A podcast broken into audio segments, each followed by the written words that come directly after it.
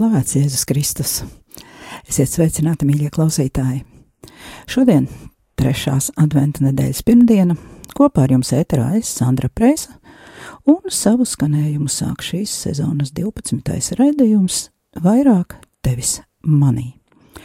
Pagājušajā pirmdienā raidījums neskanēja, jo ēterā bija maratons, un arī nākamās divas pirmdienas raidījuma nebūs sakarā ar to, ka tie ir svētku vakari - Ziemassvētku priekšvakars un vecgada vakars.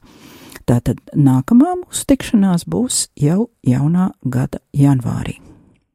Visu šo pusgadu, sākot ar septembri, esam no dažādiem skatu punktiem aplūkojuši patreizējo situāciju baznīcā, pārbaudījumus un izaicinājumus, kuri skar katru baznīcas locekli neatkarīgi no tā, kurā valstī viņš dzīvo. Esam pārdomājuši savu piedarību baznīcai un to, kā mēs izdzīvojam šo piedarību. Vai tikai formāli pieskaitām sevi Romas katoliskajai baznīcai, bet realitātē esam ieraušies savā mazajā pasaulītē, vai tomēr spējam saskatīt un izsāpēt to, kas sāp visai ticīgajai tautai. Runājām arī par to, ko mēs, atrodoties katrs tajā vietā, kurā esam, varam darīt to baznīcas locekļu labā, kuri cieš, kuri tiek ievainoti un vajāti. Un kā galvenos ieročus pret ļauno garu atpazinām lūgšanu, sakramentus, sirds atgriešanos un grēku nožēlu. Runājām arī par to, kā lūgties rožkroni un kā augt un pilnveidoties savā lūgšanas dzīvē. Un to mēs mācījāmies, lasot gan mūsdienu lūgšanas meistaru Tomasu Kītingu, trapistu mūku, gan arī 14. gadsimta dominikāņu svēto Katrīnu no Sienas, viņas darba dialogs fragmentu par lūgšanu, kā arī pārdomājām, kādas herēzes no veciem laikiem ir atmodušās un jaunā veidā apdraud šodien ticīgo tautu, tos cilvēkus, kuri vēlas padziļināt savas attiecības ar Dievu. Pēdējā raidījumā mēs mēģinājām saprast, ko teoloģijā saprot ar vārdu skandāls un kā mēs šo vārdu saprotam ikdienā. Šovakar šo tēmu pabeigsim bet tos, kuri nav dzirdējuši iepriekšējos raidījumus, aicinu tos noklausīties arhīvā. Janvārī būs vēl viens vai divi raidījumi, kuros mēs apskatīsim vēl dažus jautājumus, kuri varētu radīt problēmas garīgās dzīves ceļā, ja precīzāk varētu būt pārprasti, ja mēs tos piedzīvojam, dažus psiholoģiskus stāvokļus, kurus mēs varam noturēt par savas garīgās dzīves sasniegumiem, lai gan patiesībā tie tādi nemaz nav. Un kā tas arī bieži notiek mūsu nezināšanas un garīgās vadības nesamības dēļ. Un pēc tam, jā, jau gatavoju nākamajam gadam jūs, Pēc tam uz šo visu iegūto teorētisko zināšanu pamata mēs papētīsim dažu svēto cilvēku dzīves gājumus, jo praktiski piemēri ir pat vajadzīgi. Eh, un dažreiz, nu, nevaru teikt, ka vairāk kā teorētiskas zināšanas, bet noteikti vienlīdzīgi. Galu galā mēs taču visi zinām, ka mūsu gala mērķis un tas, tas, ko Dievs no mums gaida, un kas arī ir pats lielākais labums mums. Tas ir mūsu dzīves svētums. Tātad, klausoties manus raidījumus, vienmēr aicinu paturēt savu acu priekšā šo mērķi - savas dzīves svētumu. Kas der, paņemiet, kas neder tagad, varbūt noderēs citā reizē. Pagaidām tātad visi iepriekšējie raidījumi pieejami arhīvā. Paturam savu acu priekšā šo mūsu mērķi, ka mēs visi ejam uz svētumu. Un visu šo informāciju, tātad, ko mēs šeit pārunājam un gūstam, tā ir tikai viens mērķis - palīdzēt mums iet šo svētuma ceļu un, kā mēs te runājām par skandālu, labākajā gadījumā citiem netraucēt, bet vēl labāk, ja mēs varam citiem palīdzēt iet šo ceļu. Tagad atkal palūksimies ar pāvesta Benedikta 16. lūkšanas vārdiem, un pēc lūkšanas un ievada dziesmas turpināsim raidījumu. Dieva tēva un dēla un svētā gara vārdā Āmen. Kungs Jēzu, tev piesprieda nāves sodu tāpēc, ka bailes no tā, ko padomās citi cilvēki, bija stiprākas par sirdsapziņas balsi un neļauj tai runāt. Mēs redzam kaut ko līdzīgu visā vēsturē. Nevainīgie vienmēr ir bijuši pakļauti nežēlīgām darbībām, tikuši tiesāti un nonāvēti. Cik gan reižu mēs paši esam devuši priekšroku panākumiem un nevis patiesībai, mūsu reputāciju esam veltī, vērtējuši augstāk nekā taisnīgumu. Stiprini mūsos kluso sirdsapziņas balsi, pats savu balsi mūsu dzīvēs.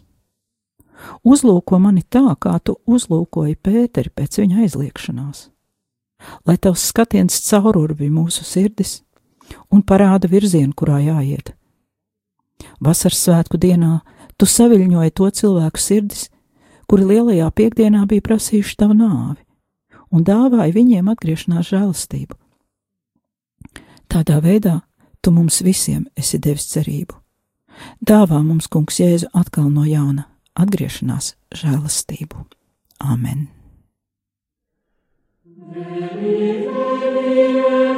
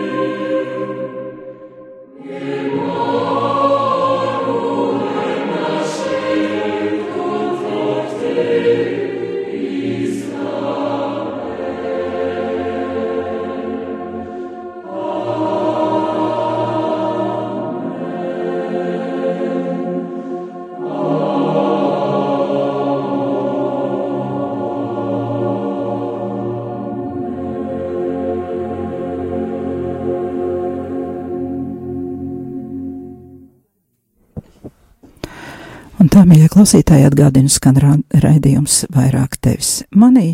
Ar jums esmu es, Sandra Preisa, un turpinām mūsu pārdomas. Lai arī trešā adventa svētdiena saucas priecīgā, šā vakara tēma nebūs priecīga vārda tiešajā nozīmē, jo, kā jau iesākām lūkšanā, pārdomāsim grēka un sirdsapziņas jautājumus. Tomēr, lai ko mēs arī runātu, visu šo sarunu mērķis ir viens - pieaugt gudrībā un saprašanā, lai nolīdzinātu ceļus kunga atnākšanai, un šo ceļu nolīdzināšanai ir jānotiek mūsu pašu dvēselēs. Nolīdzināt kalnus un aizpildīt ielas nebūtu nav viegls darbs, un grūti būs to paveikt kailām rokām, neizmantojot speciālus instrumentus. Un tā nu izmantosim zināšanas, kuras gūstam klausoties radio Marija raidījumus, lai tās kļūst mums par labiem instrumentiem mūsu rokās. Ar to es, protams, domāju visu radio Marija programmu. Visus raidījumus, ne tikai šo raidījumu vairāk tevis manī. Un, lai neiekristu vienā no jaunajām herēzēm, neognosticismā, kā to dēvē pāvests Francisks, paturēsim prātā, ka ne jau mūsu pūles un ne jau mūsu zināšanas ir tās, kuras mums kaut kādā veidā pašas par sevi dod pestīšanu. Tas, ko mēs darām, tas, ko mēs iemācāmies, visas mūsu zināšanas, visa mūsu askēze, visa mūsu cenšanās pēc svētuma, tā ir tikai mūsu piekrišanas zīme tam, ka mēs gaidām, ka Dievs izdarīs mūsu dvēselēs savu lielo darbu līdz galam.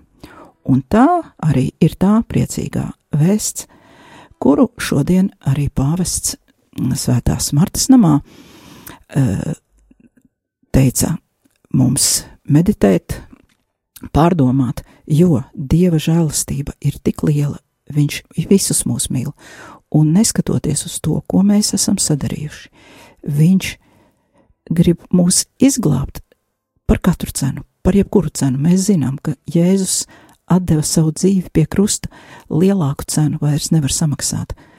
Un tādēļ priecāsimies, priecāsimies, kā mūs aicina šodien arī šī antifona, adventa antifona gaudēte, kā aicina mūsu pāvests Francisks. Priecāsimies, jo Dievs grib mūs glābt, bet tai pašā laikā tomēr turpināsim šodien pārdomāt arī šīs nopietnās lietas, lai šis mūsu prieks nebūtu tāds tukšs un naivs, un lai mēs neiedomātos tomēr kaut kā patvaļīgi izrīkoties un nostāties pret dieva darbu mūsu dvēselēs, un lai mēs kaut kādas savas nezināšanas, nesaprašanas vai muļķības dēļ nu, vienkārši netraucētu dievam darīt viņa darbu.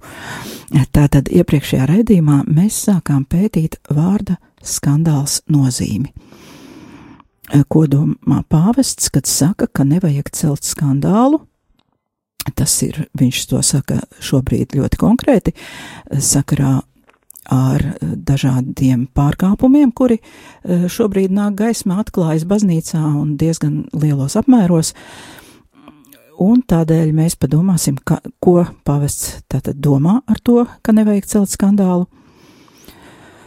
Un mazliet atcerēsimies to, ko mēs jau iesākām pagājušajā reizē. Tātad pirmais, ko mēs sapratām, ka šis vārds skandāls tiek lietots vairākās nozīmēs. Pagājušajā reizē es aicināju klausītājus sūtīt izziņas, kurās viņi varēja aprakstīt, kādas ir asociācijas, kuras rodas dzirdot šo vārdu. Un te es nolasīšu vēlreiz pagājušā redzējuma beigās, jau arī lasīju. Tātad, ar ko asociējas skandāls mūsu klausītājiem? Viena izziņa. Skandāls bija Franča Trasuna ekskomunikācija. Paldies Dievam, ka tā tika atcelta. Otrs viedoklis - skandāls ir izaicinoša neētiska rīcība, kas pārkāpj sabiedrības normas. Trešais - dzirdot vārdu skandāls, man ausīs skan troksnis, klaigāšana, redzu plātīšanos ar rokām. Tas ir tāds sadzīvisks skandāls politikā, skandāls ir citādāks. Un vēl kāds raksta, ka skandāls asociējas ar strīdēšanos un nesaskaņām. Savukārt skaidrojošā vārnīca uh, saka, ka skandāls ir, vārds skandāls ir saprotams kā nosodāms notikums, kā nevēlama piedauzīga rīcība, piemēram, politisks skandāls vai sabiedrisks skandāls. Nu, tad mēs varētu vilkt paralēlus, piemēram, ar to, kas šobrīd notiek mūsu politikā un Rīgas domē ar šiem eh, notikumiem, kas ir saistīti ar Rīgas satiksmi. Uh, otra nozīme, ko skaidrošā vārnīca piedāvā trokšņains strīds un arī kautiņš. Eh, tā tad nozīmē celt skandālu, ģimenes skandāls vai novērst skandālu. Savukārt mēs raidījumā pagājušais pētījām šā vārda teoloģisko nozīmi, par pamatu izmantojot katoļu enciklopēdijas ņo adventu materiālu, un secinājām, ka teoloģijā ar vārdu skandāls saprot kādu konkrētu, ļoti konkrētu grēku, kurš lielāko tiesu gadījumu ir atzīstams pat par nāvīgu grēku. Pēc Akvīnas Toma skandāls ir vārdi vai darbība, kura ir ļauna pati sevī, kura var izraisīt otras personas garīgu sabrukumu. Tas ir vārds vai darbība, kura reizē ir ārējs akts, jo iekšējs akts nevar ietekmēt otra cilvēka rīcību, Tas ir, ja mēs kaut ko ļaunu domājam, bet mēs to nekādā veidā otram cilvēkam neizrādam, mēs, protams, nevaram viņu ietekmēt. Vai arī gadījumi, kad ir ārēja akta trūkums, eh, jo nedarīt to, kas būtu jādara, ir tas pats, kas darīt kaut ko aizliegtu. Tas ir ļaunums pats sevi, vai arī ar acīm redzami ļaunām sekām. Tātad skandāls ir ļaunums pats sevī vai arī ar acīm redzami ļaunām sekām. Un šis ārējā akta trūkums tātad ir, ja mēs zinām, ka kāds cilvēks grib iesaistīties kādā ļaundarībā un mēs viņu neaturam, tad mēs arī esam vainīgi skandāla grēkā. Pagājušo redzējumu pabeidzām ar to, ka skandāls tiek iedalīts aktīvajā un pasīvajā skandālā.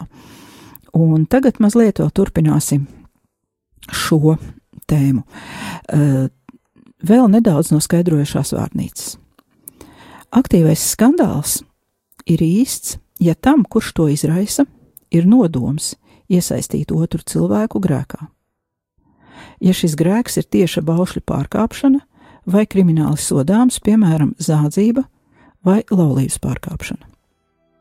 Ja cilvēks pamudina otru uz grēku ne tikai savas varas pierādīšanai, vai kāda ļaunuma, vai iedomāta labuma gūšanai, bet gan paša grēka dēļ, lai izdarītu kaut ko pret Dievu, vai lai apzināti pazudinātu tuvākā dvēseli, tad mēs varam runāt pat par sātanisku skandālu. Tātad sātanisks skandāls ir tad, ja cilvēks pamudinot otru uz grēku, vai uz kaut kādu ļaunumu, vai iestāstot, ka šis ļaunums ir labums, kā paralēli tam cilvēks vēl grib apvainot Dievu. Vai apzināti pazudināt otru cilvēku, tātad viņš apzinās, ka viņš Dievu priekšā to cilvēku pazudina. Viņš saprot, ka tas ir grēks, nevis vispār slikts nodarījums, krimināls nodarbi, nodarījums pret likumu, bet tieši Dievu priekšā ļaunums. Un tātad tas ir sātanisks skandāls. No otras puses, ja mūsu rīcība vai izteiktie vārdi, kuri liek otram izdarīt grēku, ir bez, bez tieša nodoma iegrūst otru cilvēku grēkā, tad tādu skandālu var uzskatīt par netiešu, bet tieši vai netieši, vienalga, tas ir skandāls. Aktīvs skandāls ir nāvīgs grēks, jo par to ir teicis pats Kristus Mateja Evanģēlijas 18.6, kas apgrēcina vienu no šiem vismazākajiem, kas tic uz mani. Tam būtu bijis labāk, ka tam piesietu dzirnu akmeni pie kakla un noslīcinātu jūras dziļumā. Tātad arī pats Kristus ir mums ļoti skaidri pateicis, ko nozīmē mūsu rīcība, ja mēs kādu pavedinām uz grēku. Un arī Par šo akta trūkumu var piebilst, ja mūsu klātbūtnē kāds pavedina otru cilvēku uz grēku, un mēs klusējam un neiejaucamies, arī mēs esam līdzdalīgi ar savu nerīkošanos. Arī mēs esam līdzdalīgi tādā gadījumā šajā skandāla grēkā. Ja tuvāk mīlestība mums liek darīt labu un palīdzēt tuvākajam gan viņa garīgajās, gan fiziskajās vajadzībās, tad skandāls mudina tieši uz pretējo un ir pretrunā ar tuvāk mīlestību. Vēl vairāk tieši skandāls ir tiešā pretrunā tikumam, pret kuru ir vērsts skandāla inicētais grēks. Patiesībā katrs tikums aizliedz ne tikai tā pārkāpšanu, bet arī vēlēšanos, lai kāds cits atteiktos no šā tikuma. Arī netiešais skandāls ir pretrunā ar tuvāku mīlestību, bet eh, šeit ir vairāki autori strīdas par to, vai eh, cilvēks, kurš netieši ir ietekmējis otru cilvēku uz tikuma, atteikšanos no tikuma vai tikuma pārkāpšanu, bet pats to nav izdarījis, vai viņam var arī uzskatīt, ka arī viņš ir šo likumu pārkāpis. Un par to um, dažādi autori dažādi uzskata. Tātad, ja kāds ir pamudinājis, piemēram, otru uz laulības pārkāpšanu, bet pats nav to izdarījis, vai viņš vai viņam arī par viņu var teikt, ka viņš ir tomēr bijis iesaistīts laulības pārkāpšanā. Tā tad par to īsti skaidrības, skaidrs tiešas atbildes nav, un vairāk autori dažādi domā un uzskata, ka tas ir saistīts arī ar konkrētajiem apstākļiem.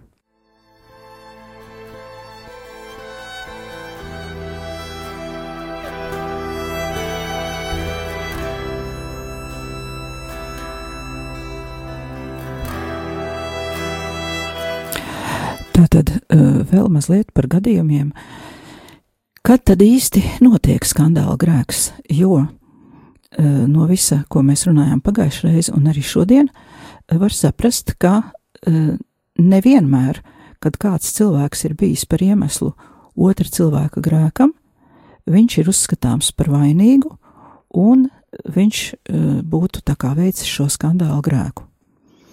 Tātad pirmkārt cilvēks pavisam noteikti ir vainīgs tad, kad tiešā veidā kādu ir pamudinājis uz grēku vai uz rīcību, kuru nevar paveikt, neizdarot grēku.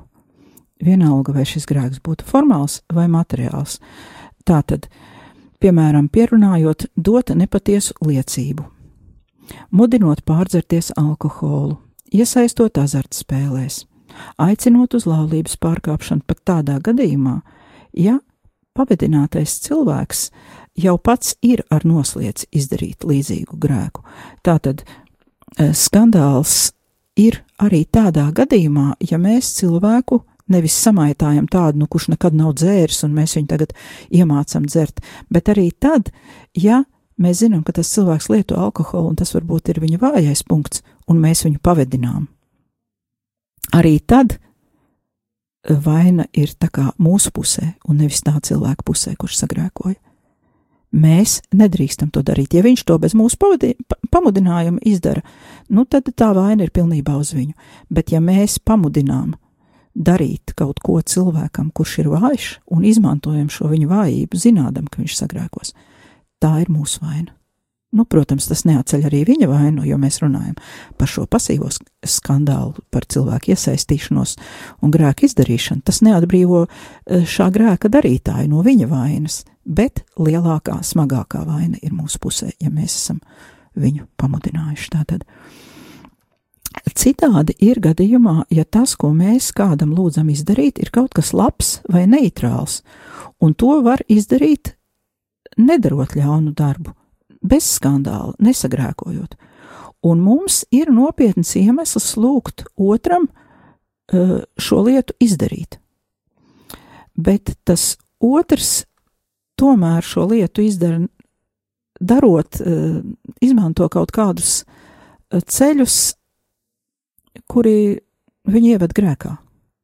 Principā viņš to būtu varējis izdarīt pēc mūsu lūguma, nesagrēkojot, bet viņš ir izpildījis it kā mūsu lūgumu, bet kopā ar visu to viņš vēl ir izdarījis grēku.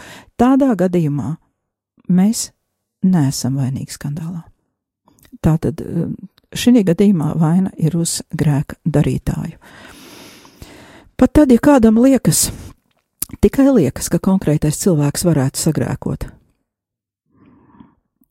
arī tad viņš ir iesaistīts, pasīvi iesaistīts skandālā, netieši, piemēram, tiesnesis, kas var pieņemt zvērstu no cilvēka, kurš iespējams varētu dot nepatiesu liecību. Tā piemēram, ja kāds, kuram ļoti vajag naudu, bet viņam nav neviena, kurš aizdotu, griežas pie augļotāja, vai, nu, kā mūsu dienās, pie ātrā kredīta devēja, lai gan viņš zina, ka tas uzliks viņam neatmaksājums procentus. Un savukārt šis te kredīta devējs tā kā iesaista to cilvēku šajā naudas ņemšanā un neatdošanā, izmantojot viņa bezizējas situāciju, lai gūtu peļņu, vai arī izmanto viņa vienkārši nezināšanu un neizpratni par to, kā notiek šāda parāda atdošana un kāda būs, piemēram, procenti. Uh, tātad šie cilvēki, šie gadījumi ir tādi tā kā netiešie, bet tomēr uh, tas arī ir skandāla saturs. Un uh, arī situācija, piemēram, ja kāds pierunā bērnu uz rupju vārdu runāšanu, uz dievzaimošanu, uh, un bērns īsti neapzinās, ko viņš dara, tad grēks ir ieskaitāms tam, kurš zināja par sekām.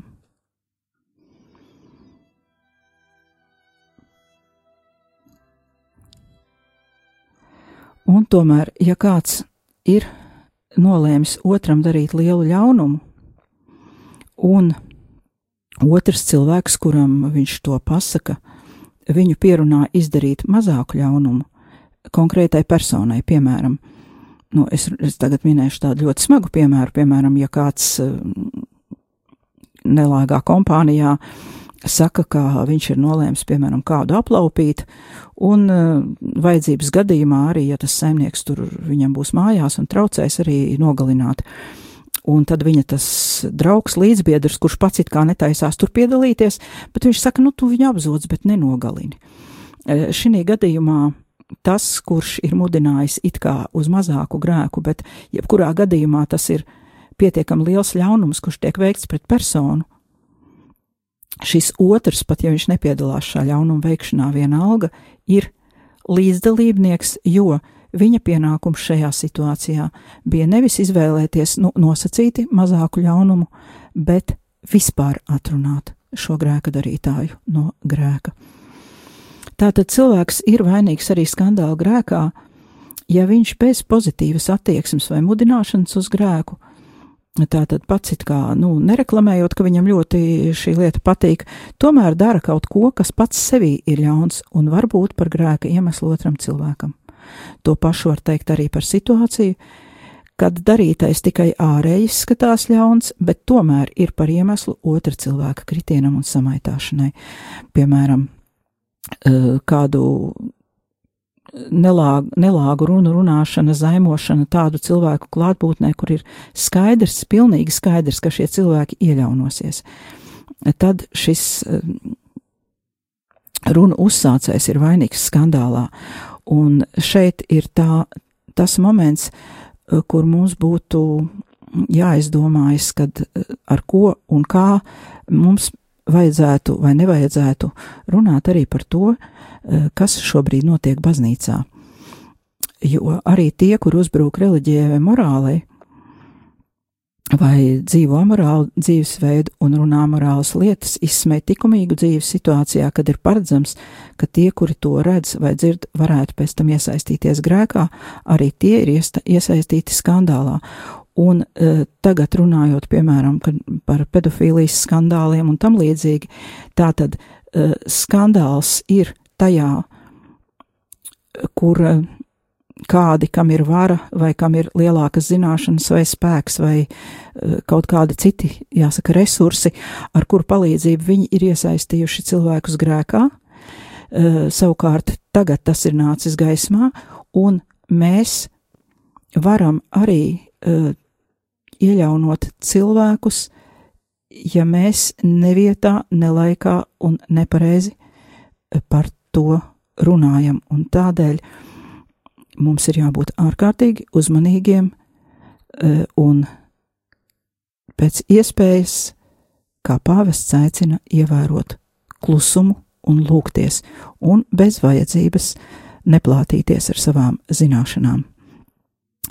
Eh, lai novērstu otru cilvēku grēku, būtu pat ieteicams atteikties no kaut kādām darbībām, kuras pašas nav grēks sevī, eh, ne ārēji, ne pēc savas dabas, bet tomēr var būt par iemeslu otra cilvēka kritienam, vai arī eh, situācijā, kurā mums ir kaut kāda darbība jāveic, izvēlēties kādu citu darbību, ar kuru mēs otru cilvēku neapgrēcinātu. Eh, tātad, lai neie, neievilktu otru cilvēku skandālā, mums nekad nevajadzētu pārkāpt dieva baušļus uh, un dabisko likumu sevī, jo tad, ja mēs to darām, mēs uh, iesaistam otru cilvēku ar savu paraugu, un var būt šis te skandāla grēks. Ja mēs ievērosim dieva likumus, mēs nekādā gadījumā mm, nebūsim iesaistīti šajā smagajā grēkā.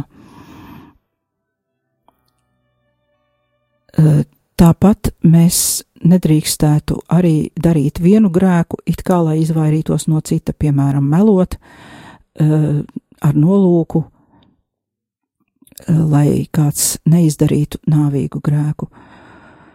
Un mums vajadzētu rūpēties par to, lai bērni būtu kristīti, un lai visi mums apkārtējie cilvēki um, tieši ņemtu piemēru, labu piemēru no mūsu dzīves, un nevis ļaunu piemēru.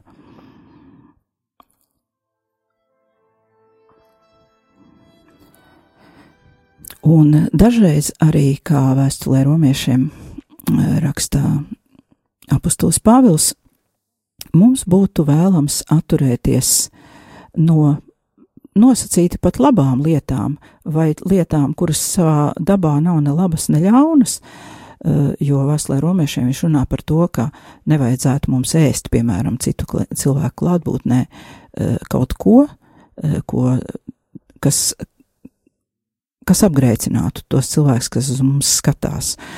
Jā, ja viņiem, piemēram, ir kaut kādi uzskati vai pieņēmumi par to, ko, kas ir labi vai ļauni, un uh, mēs ar savu darbību, kura patiesībā nav ne ļauna, ne, ne kaut kāda piedauzīga, viņus varam ieļaunot, tad atturēties no šī te darba vai darbības. Un uh, dažreiz pat, ja mums ir darīšana ar ļoti vājiem cilvēkiem, uh, var būt situācija, ka mums ir jāatsakās no kaut kā, uh, no kaut kāda labuma uz laiku. Uh, ja šis labums nav ļoti nozīmīgs, vienkārši uz laiku no kaut kā atteikties, lai konkrētajā brīdī nenodarītu pāri kādam, kurš ir vājāks un var mūsu dēļ ieļaunoties. Nu jau arī raidījuma laiks tuvojas beigām.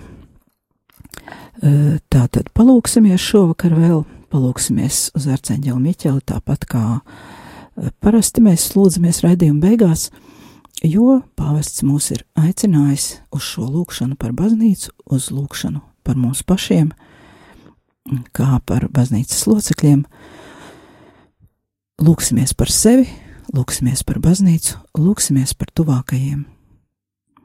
Dieva tēva un dēla un svētā gara vārdā Āmen. Svētais arcēnģeli Miķeli palīdz mums cīņā, esi mūsu aizsargs pret vēlna ļaunumu un viltībām. Dievs, lai viņam pavēl, tā mēs pazemīgi lūdzam, bet tu debes karapulku vadoni ar dievišķo spēku iedzen ellē sātanu un visus ļaunos garus, kas klejo pa pasauli, lai samaitātu dvēseles. Āmen! Un tā raidījums vairāk teiks manī ir izskanējis. Es sadarbojuos un jums atvados, un tiksimies janvārī.